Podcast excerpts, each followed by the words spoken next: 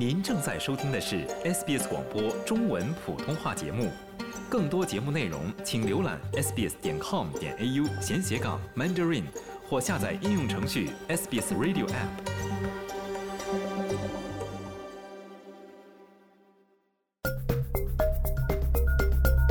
听众朋友们，早上好，我是 SBS 记者秋实。本期 SBS 新闻快报带您快速了解一则有关新州推出新工具，旨在帮助无家可归者的最新消息。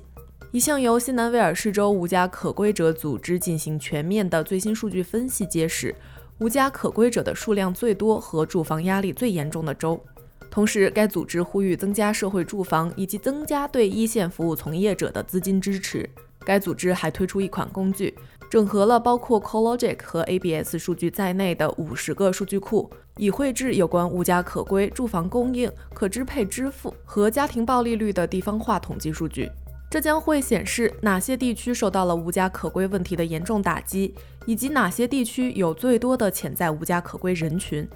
无家可归组织的首席执行官琼斯表示，这个工具不仅展示了该州无家可归问题的程度，还准确显示了公共住房需求的具体地点以及这些地区的风险情况。我们已经掌握了数据和解决方案，现在我们需要各级政府、社会和企业共同行动，确保每一个人都有一个安全的家和所需的支持。根据分析，悉尼市区无家可归者人数最多。其次是堪特伯雷、班克斯顿和内西区议会，无家可归率最高的地区是该州北部的沃尔格特郡，其次是悉尼市区和保活。根据 CoLogic 的数据，租房压力最大的租户家庭所在的区域是费尔菲尔德，其次是拜伦郡、特威德郡以及中北海岸的南布卡和贝林根。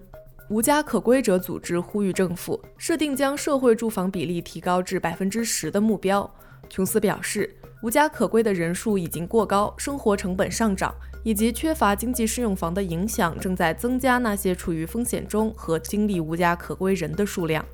无家可归的问题驱动因素非常复杂，但解决方案并不复杂。我们可以通过适当的资助对无家可归者的服务，并紧急建设更多的社会住房来解决这些问题。这不仅可以改变生活，还可以阻止租金飙升，并减轻我们医院、警察和其他社区服务的压力。好了，感谢您收听本期的 SBS 新闻快报。在任何播客平台搜索 SBS 普通话，点击订阅，开启消息提醒，即可了解澳洲国内外新闻及社区信息。喜欢、分享、评论，欢迎您在 Facebook 上关注 SBS 普通话页面。